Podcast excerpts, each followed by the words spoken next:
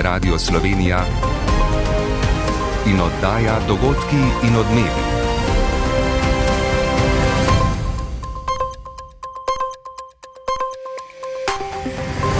Ura je 15 in 30 minut. Dober dan za veselje športnih navdušencev sta danes poskrbela kolesar in smučar. Tedaj Pogačar je usvojil še zadnjo etapo in dosegel skupno zmago na dirki Paris-Nica. Žan Kranjec pa se je na veleslalom, veleslalomski preizkušnji na pokalu Vitrancu vrstil tik pod stopničke. O drugi vožnji je povedal. Solidne sem imel občutke, bila je zelo dirkaška proga. Uh... V bistvu malo zamika in je bilo treba res napadati voza čist na limitu v oddaji tudi o tem. Minevajo tri leta od razglasitve epidemije COVID-19 v Sloveniji. Pokojninska reforma v Franciji tik pred sprejetjem. V požaru v večstanovanski hiši v Melju v Mariboru umrl en človek. Jutri dokaj sončno z občasno zmerno oblačnostjo. Z vami sva Miha Zor in Biljana Polak. Začenjamo v Kranski gori, kjer se je z drugim veleslalomom končal letošnji pokal Vitranc. Tako želenih stopničk Žana Kranca žal nismo dočakali, v igri stotink je bil danes, kot rečeno, tik pod zmagovalnim odrom. Vzdušje pod vitranško strmino pa je bilo vseeno izjemno veselo. Izpod vitranške strmine se zdaj oglaša naš reporter Igor Tominec. Igor, toplo vreme ni ogrozilo izvedbe letošnjega tekmovanja, pravzaprav je poskrbelo, da je bil obisk obeh tekem zelo dober. Rezultatsko pa se je tudi kar dobro razpletlo za slovenski tabor. Ja, zelo toplo v minulih dveh dneh in včeraj je bilo 5500 gledalcev, danes pa uradno 4500, torej 10 tisoč glavi obiskov v obeh dneh tekmovanja. Rezultatsko zelo podobno včerajšnja in današnja tekma, obakrat na vrhu švicar Marko Odermat, medtem ko je naš Žan Kranjec včeraj osvojil peto mesto, danes četrto in se utrdil v boju za bronasto medaljo v veleslalomskem seštevku letošnje sezone. Sigurno je mi en velika želja, da bi bil med tremi najboljši uh, v skupni razvrstitvi. Uh, se mi zdi, da je to en uh, lep uspeh prednost je solidna, ampak imam še eno tekmo, ki tudi na sam, tej posamezni tekmi želim dobro nastopati, pa tudi marsikaj se lahko zgodi, tako da, da bi mislil, da je že vsega konc ni dober. Torej, Žan Kranjec ima 51 točk prednosti pred četrtim v boju za vele slalomski bron v letošnji sezoni pred finalom v Andori in vsi si želimo, da bi mu končno uspelo doseči tudi to medaljo v seštevku svoje paradne discipline. V današnjih radijskih oglašanjih je bil govor tudi o dolgoročni perspektivi pokala Vitranc. Tako uspešna izvedba kot letos gotovo prispeva k zasidranju v koledarju Mednarodne smučarske zveze, vendar ni povsem jasno, kaj se bo s svetovnim pokalom dogajalo po letu 2026. Ja, zdaj koledarji niso zelo dolgoročni v Mednarodni smučarski zvezi in uh, malo je negotovosti za vse prireditelje, ne samo za Kransko-Gorske. Tale prireditev pa je res ključna tako za domači smučarski klub, kot tudi za Smučarsko zvezo Slovenije in upajmo, da tudi pod uh, novimi idejami novega predsednika FIS Johana Elijaša ne bomo nekoč izpadli iz tega koledarja. Kaj o tem meni generalni sekretar organizacijskega odbora Pokala Vitranc Srečko Medven? Mi si želimo seveda, da tekma stane čim dalj v Sloveniji, potem na prihodnost te tekme vpliva tudi dogajanje na FISI z novim predsednikom, so prišle nove ideje, centralizacija, globalizacija, ker ta predsednik vodi FISO kot nek biznis, kar je tudi pravilno seveda. Vprašanje je, koliko časa bo Kranjska gora kot majhen organizator, mi imamo enega najmanjših budžetov s tom pokalom, lahko še parirala tem velikim, bogatim organizatorjem, ki ne vprašajo, koliko stane, ki samo želijo tekmo pridobiti. Ja, torej upajmo, da nove ideje ne bodo zauzemale samo globalizacije, pač pa, da bodo nekaj dale tudi na tradicijo. Kranjska gora pa je eden najstarejših prirediteljev tekem svetovnega pokala. Igor Tominec, hvala lepa. Vladna stran naj bi v prihodnjem tednu reprezentativnim sindikatom javnega sektorja posredovala predlog zakona, ki bo urejal temelje plačnega sistema javnega sektorja. Kot so se namreč dogovorili na zadnjem srečanju konec februarja, naj bi sindikati predlog prejeli do 15. marca. Vladna stran je sindikatom v začetku minulega meseca predstavila izhodišča za plačno reformo.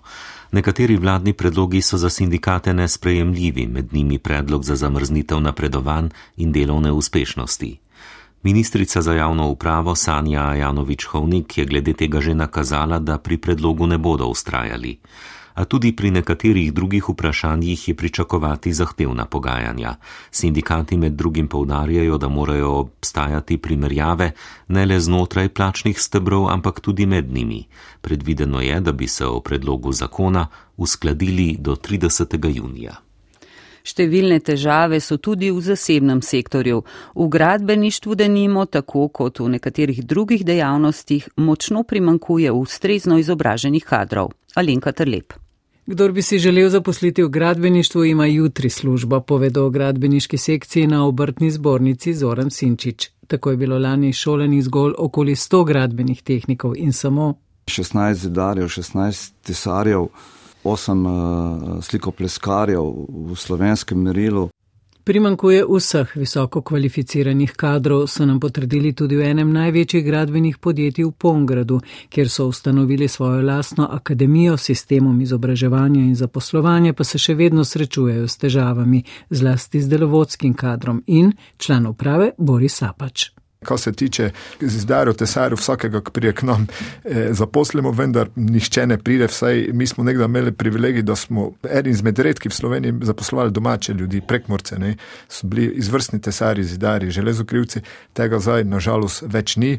Tako zaposlujejo tujo delovno silo, pri tem pa se srečujejo s pomankljivim znanjem in nepoznavanjem jezika, kot pravi Simčič, ti ne moreš pripeljati eh, kader iz Indije in eh, ga takoj plesirati za zelo zahtevne dela.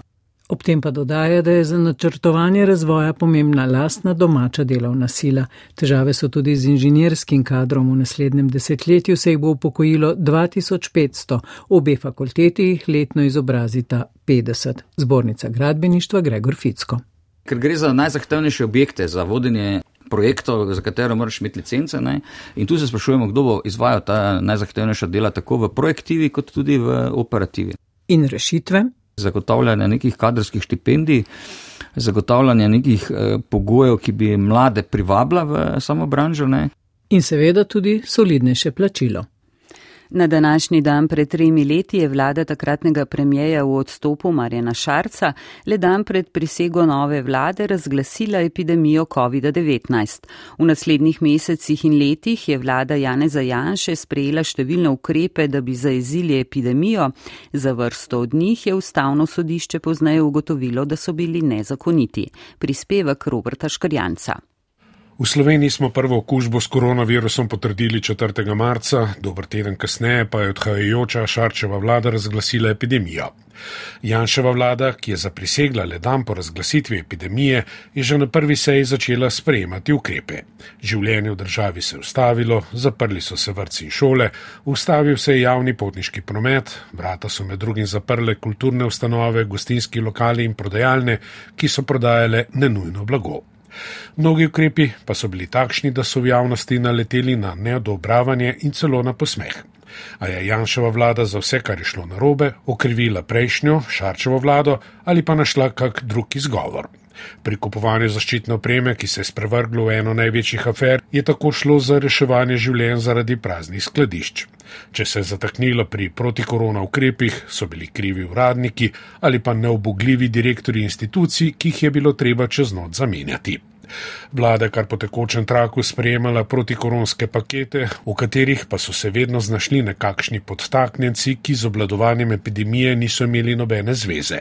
Vladni govorec Jelko Kacin pa je postal nekakšen simbol vladnega odnosa do državljanov med krizo. Naredili bomo vse, da vas ne bi vznemirjali v tem času. Uživajte, dokler lahko. Hvala lepa. 1. junija smo s preletom vojaških letal slavili zmago nad epidemijo, a smo z virusom plesali še naslednji dve leti. Šele aprila lani, le nekaj dni pred državno-zborskimi volitvami, smo odpravili skoraj vse ukrepe, ki so bili v veljavi. In kje smo danes?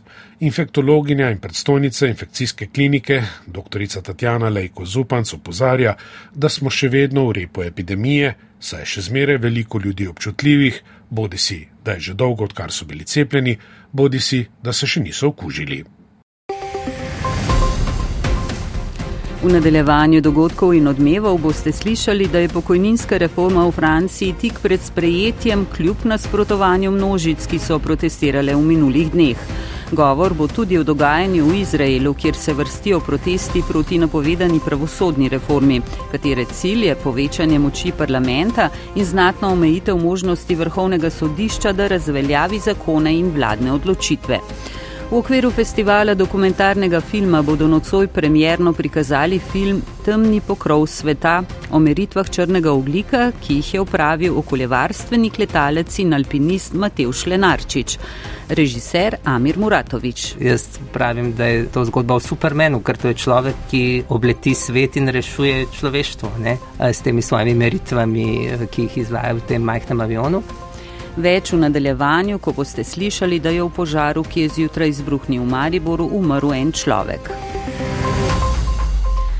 V Franciji je pokojninska reforma, ki jo je pripravila vlada predsednika Emanuela Makrona in zaradi katere že skoraj dva meseca po vsej državi potekajo stavke in množični protesti, korak bliže dokončnemu sprejetju.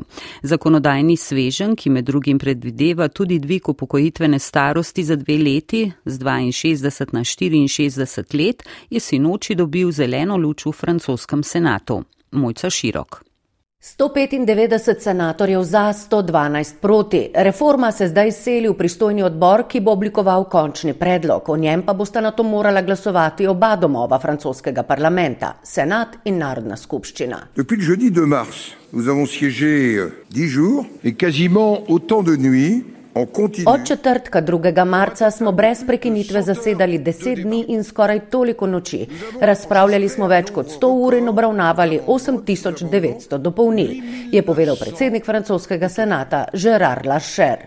A medtem ko na ulicah francoskih mest ure, saj sindikati od vlade zahtevajo naj reformo umakne, sicer bodo stavkami ustavili državo, pa bo tudi v parlamentu še vroče. Stranka predsednika Makrona se tam zanaša na podporo desno-sredinskih republikancev. Premijajka Elizabeth Born pa je že napovedala, da bo vlada, če reforma ne bi zbrala dovolj podpore, uporabila redek ustavni instrument in pokojninsko zakonodajo sprejela brez glasovanja. In glavni elementi reforme, upokojitveno starost bi začeli zviševati septembra in sicer postopoma po tri mesece na leto, spremembo pa bi tako polno uveljavili leta 2030. Za polno pokojnino pa bi bilo treba po letu 2027 delati leto več kot doslej, 43 let. Tudi Izraelci so si noči v novič pripravili množične demonstracije, kot že deset sobot zapored. Protestirajo proti pravosodni reformi, ki jo je pripravila skrajno desna vlada premijeja Benjamina Netanjahuja. Čeprav se med Izraelci krepi kritika na račun vlade, pa ta ne popušča. Netanjahu povdarja nujnost reforme, čež da bi ta odpravila neravnovesja moči med zakonodajno in pravosodno vejo oblasti. Matej Šurc. Vse od novega leta se Izraelci zbirajo na protestih, ki pa se iz tedna v teden krepijo. Sinoči se je samo v Tel Avivu zbralo 200 tisoč ljudi, po vsej državi približno pol milijona. Vplivni časnik Harec piše, da je šlo za najmnožičnejše ulične demonstracije v zgodovini judovske države. Če ne bi protestirali, bi to pomenilo popuščanje vladi. To, da ne smemo dopustiti ukinitve demokracije. Tu ne gre le za Izrael, pač pa za vas svet, pravi ena od protivladnih protestnic. Podobne gibanja vidimo tudi druge, na Mačarskem, na Polskem. Z njimi se ohranja zakonitost proti krpitvi diktature, pa dodaja demonstranti iz Tel Aviva.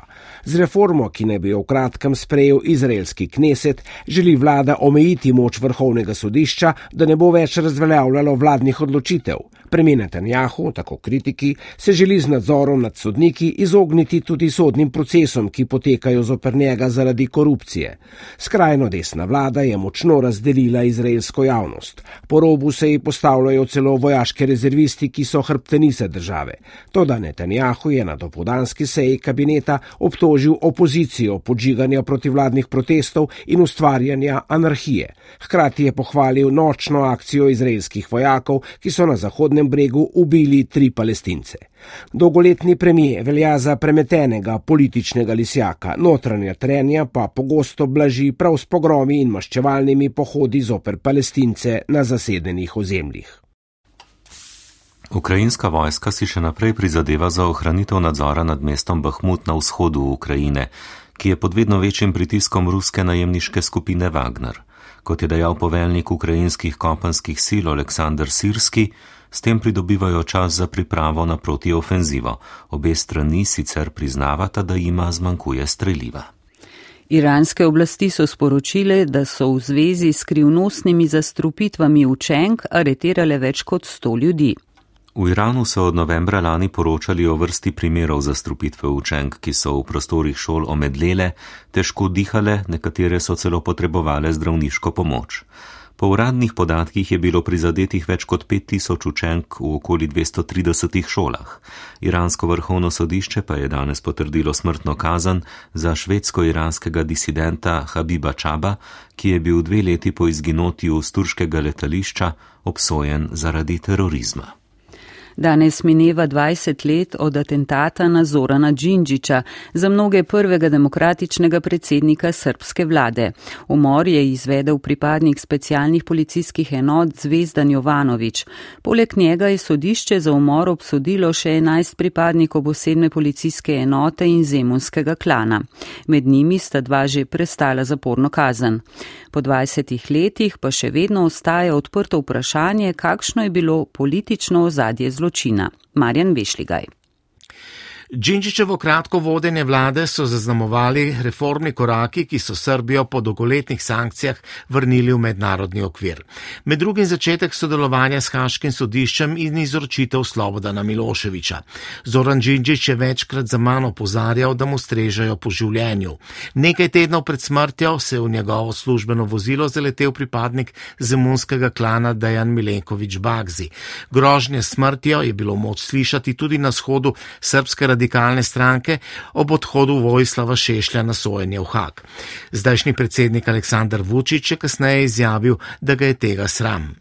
Sodišče je za umor Zorana Džinđiča obsodilo 12 pripadnikov policijske enote za posebne operacije in zemunskega klana njenega kriminalnega podaljška.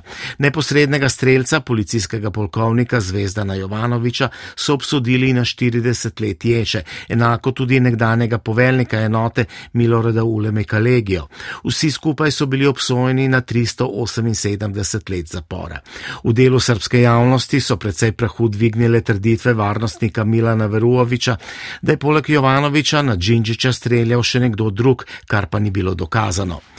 Na sojenih v Beogradu in na zaslišanjih v Hagu niso ugotovili upletenosti Slobodana Miloševiča v organizacijo atentata, čeprav so nekateri v tem videli maščevanje za njegovo izročitev. Smrt Zorana Džinžiča tudi ni ustavila sodelovanja Srbije s Haškim sodiščem. Kljub temu o političnem ozadju danes ne vemo veliko. Med možnimi vzroki pa omenjajo Džinžičevo pobudo za pripravo mednarodne konference, na kateri naj bi na novo zarisali meje Kosova, Srbije, Srbije in Bosne in Hercegovine. Dogodki in odmevi. V Cankarevem domu v Ljubljani bodo nocoj v okviru festivala dokumentarnega filma premjerno prikazali nov film Amirja Muratoviča Temni pokrov sveta. V filmu spremljamo okoljevarstvenega aktivista, letalca, alpinista in fotografa Matevža Lenarčiča pri njegovih meritvah črnega oglika, enega od najpomembnejših dejavnikov onesnaženosti zraka. Film je uvrščen v sekcijo aktualnih, družbeno-kritičnih filmov, kjer je letos močan močan poudarek na okoljevarstvenih temah. Tesa drev juh. V filmu Temni pokrov sveta izvemo, da črni oglik zelo škodljivo deluje na telo, ko ga vdihavamo, in da sta največja onesnaževalca v Sloveniji promet in individualna korišča. Brez spremembe načina življenja bomo kmalo prišli do točke brez povratka, ko človek ne bo več mogel vplivati na to, kako se bo narava odzvala, pravi Mateuš Lenarčič. Amir Muratovič sprva ni vedel, ali bi posnel film o njem ali o črnem ogliku. Seveda more biti oboje, ampak problem je bil ravno, ker Mateuš v tej svoji skromnosti je bežal od tega, da bi bil to njegov portret, čeprav si zasluži portret. Jaz pravim, da je to zgodba o Supermanu, ker to je človek, ki obleti svet in rešuje človeštvo ne? s temi svojimi meritvami, ki jih izvaja v tem majhnem avionu. Po drugi strani pa smo vedeli, da moramo zaveščati to črno ogliko.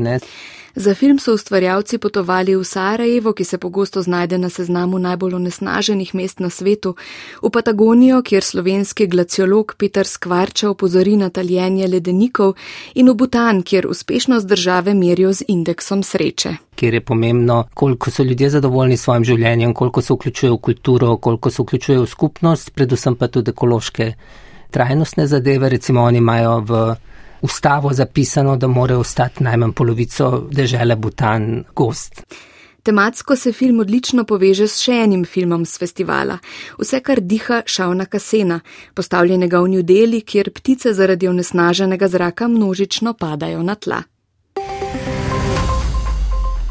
Okoli pol štirih zjutraj je zagorelo v večstanovanski hiši v Meljah v Mariboru. V požaru je umrl en človek, Anita Čelofiga z policijske uprave Maribor.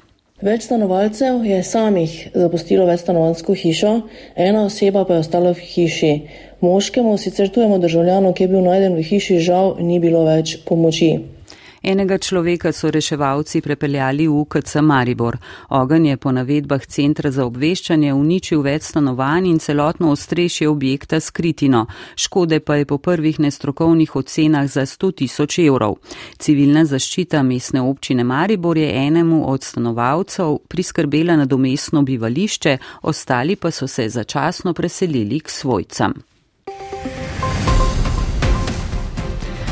Že na začetku oddaje ste lahko slišali nekaj o današnjih uspehih slovenskih športnikov. Tudi v prispevku športnega uredništva bo pozornost namenjena zmagi Tadeja Pogačarja na kolesarski dirki Paris-Nica in dogajanju na pokalu Vitranc. Govor bo tudi o smučarskih skokih v Oslu in zmagi Eme Klinec. Z vami bo mojca Breskvar. Prijetno popovdne želim.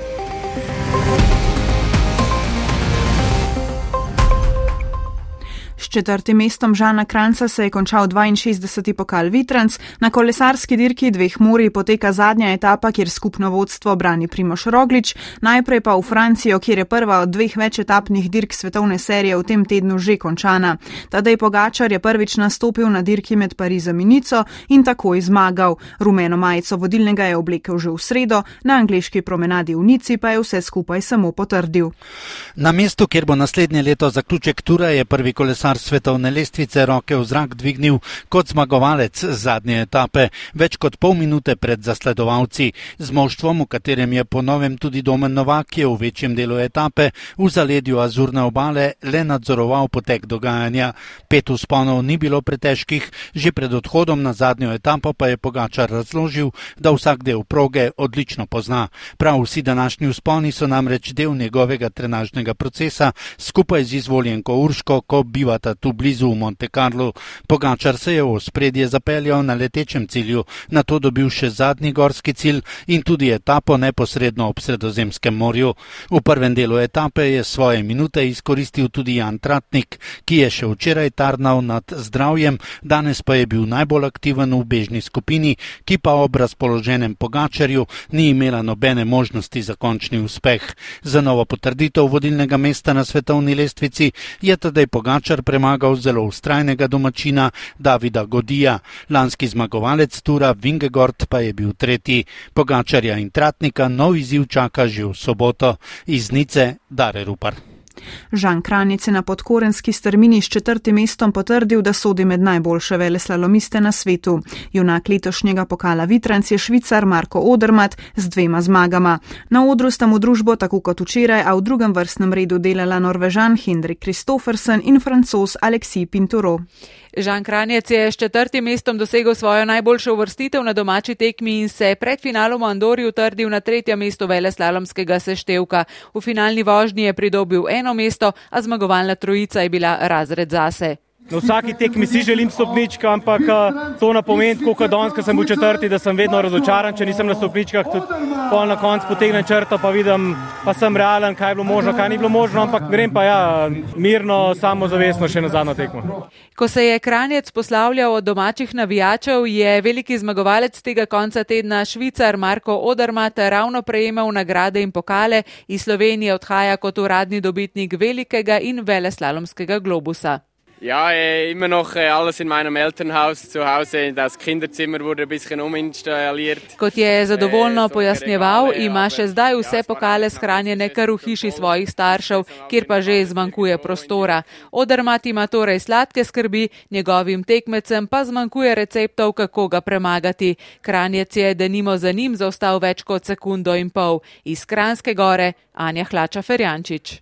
Na Holmenkolmu danes smučarske skakalce čaka še druga tekma v okviru norveške turneje. Za smučarske skakalke pa je tekma že končana. Več Boštjan Rebršak. Nad Oslom tudi drugi dan tekmovan na prvi postaji norveške turneje, sončno vreme in veter v pomoč skakalcem in skakalkam, ki so že končale s tekmovanjem. Ima klinec je navdušila v finalni seriji in prišla do druge zmage v karieri ter še povečala prednost seštevku norveške turneje. Po prvi seriji je bila na petem mestu, v finalu pa v ugodnih razmerah zajadrala do daljave dneva pri 134 metrih in pol in nasmejana še drugič stopila na vrh zmagovalnega odra. Druga je bila Avstrika, Kjara Krojcer, tretja pa Norvežanka, Ane Odine Strem, ki je kot vodilna po prvi seriji zgolj virtualno Emi za eno serijo prevzela vodstvo na turneji, a jo po finalu znova predala 24-letni slovenki. Nika Križnar je tekmo končala na osmem mestu, v zadnji tretjini finalist točke tudi za Niko Prevc in Maja Vtič. Moški bodo s tekmo začeli čez dobre pol ure v dopodanskem prologu je bil najboljši norvežan Halvor Ignar Granerud, novi vodilni na turneji Avstrije Štefan Kraft, včerajšnji zmagovalec Anžela Nišek je tretji v kvalifikacijski seriji, drugi Timi Zajc pa skupno pred današnjim začetkom tekme čez pol ure tudi na valu 202 četrti. V Estersundu bo s tekmo elitne 30-terice biatloncev to popovdne končano tekmovanje na predzadnji postaji sezone svetovnega pokala. Slovenskih predstavnikov na tekmi ne bo. Svoje delo pa so to popovdne že opravile biatlonke, zmagala je italijanka Doroteja Virer, edina slovenska predstavnica Polona Klemenčič pa je s tremi kazenskimi krogi osvojila 13. mesto, kar je njena tretja najboljša uvrstitev v karieri. To je pač res dobra tekma, v bistvu skupaj z najboljšimi in tudi sem vesela, da sem spet top 15. Malo me izzijo te zadnji streli, spet dvakrat stoji dva mimo, zadnje dva. Ampak ja, očitno sem mogla zbrati za te zadnje strele in bo pač še boljša, boljši rezultat. Sezona svetovnega pokala v biatlonu bo prihodnji konec tedna končana na Norveškem. Zadnja tekma 26. kroga nogometnega državnega prvenstva bo obračun Radomlje Bravo ob 17.30 minut. Prav zdaj se merita Olimpija in Domžale. V Stožicah je Sandi Škvarč. Glede na to, da ima Olimpija na prvenstveni razpredelnici kar 21 točk več od Domžal, je rezultat prvega polčasa presenetljiv. Domžale namreč vodijo kar s 3 proti nič. Prvi zadetek je dosegel Franko Kovačevič v 25 minuti z 11 metrov, ko ga je vratar Vidovšek podrl. Prav Kovačevič je tudi zanesljivo izvedel najstrožjo kazen za svoj sedmi letošnji zadetek. V 36 minuti je bil Kovačevič podajalec, žiga Repas pa je bil pred vrati in žogo preusmeril mrežo za nič proti dve. To je bil njegov četrti zadetek. Ko je že tekel sodniški dodatek, so domžalčani še enkrat pritisnili proti vratom in iz gneče, iz neposredne bližine je še enkrat v polno meril Slobodan Vuk s svojim drugim zadetkom je poskrbel, da so domžalčani odšli na odmor kar s tri proti nič, tako da so na dobri poti, da pridejo do zmage proti Ljubljanski olimpiji, ampak pred nami je še drugi polčas, ki ga bomo pospremili v nedelji na športnih igriščih. Slovenska rokometna reprezentanca bo v četrtem krogu kvalifikacij za Evropsko prvenstvo v Kopru proti Črni gori lovila četrto zmago. Tekma se bo začela ob 18.30, tudi z javljanji na valu 202. Več uraš Vovk. Zmaga v Podgorici je potrdila na polskem pridobljeno samozavest slovenske reprezentance, ki bo čez dobri dve uri lovila 14. uvrstitev na Evropsko prvenstvo proti istemu tekmecu. Bonifika je vedno znala pričarati dobro vzdušje v reprezentančnih tekmah in ne dvomim, da bo kaj drugače danes. Zorman je v primerjavi s prvo tekmo zamenjal tri igralce. Na mesto poškodovanega dolenca bo priložnost dobil od prihodnje sezone novi član celja Krečič. Na mesto Mazeja je tu osmoljenec Polske Slatine Kjovičič. Za igro predvsem v obrambi pa še menjava krožnih napadalcev, Drobež bo dobil priložnost na mesto Žabiča. Pri Črnogorcih bo manjkal prvi vratar Nebojša Simič, kar je gotovo velik handicap. To bo tretja zaporedna tekma obeh reprezentanc. Slovenija je zmagala dvakrat enkrat. Nekaj tekem v ostalih skupinah je bilo že sinoči, Francija je še enkrat premagala Polsko, osem točk pa ima tudi Avstrija Aleša Pajoviča po novi zmagi nad Ukrajino. Na enem najmočnejših namiznoteniških turnirjev v tej sezoni v Singapurju je deseti nosilec Darko Jorgič s 3 proti 1 v nizih premagal Hrvata Gačino. V drugem krogu se bo pomeril z Nemcem Ortom. Poslušali ste oddajo Dogodki in odmevi, urednica Špela Bratina, voditeljica Biljana Polak, napovedovalec Miha Zor, tonski mojster Peter Lever.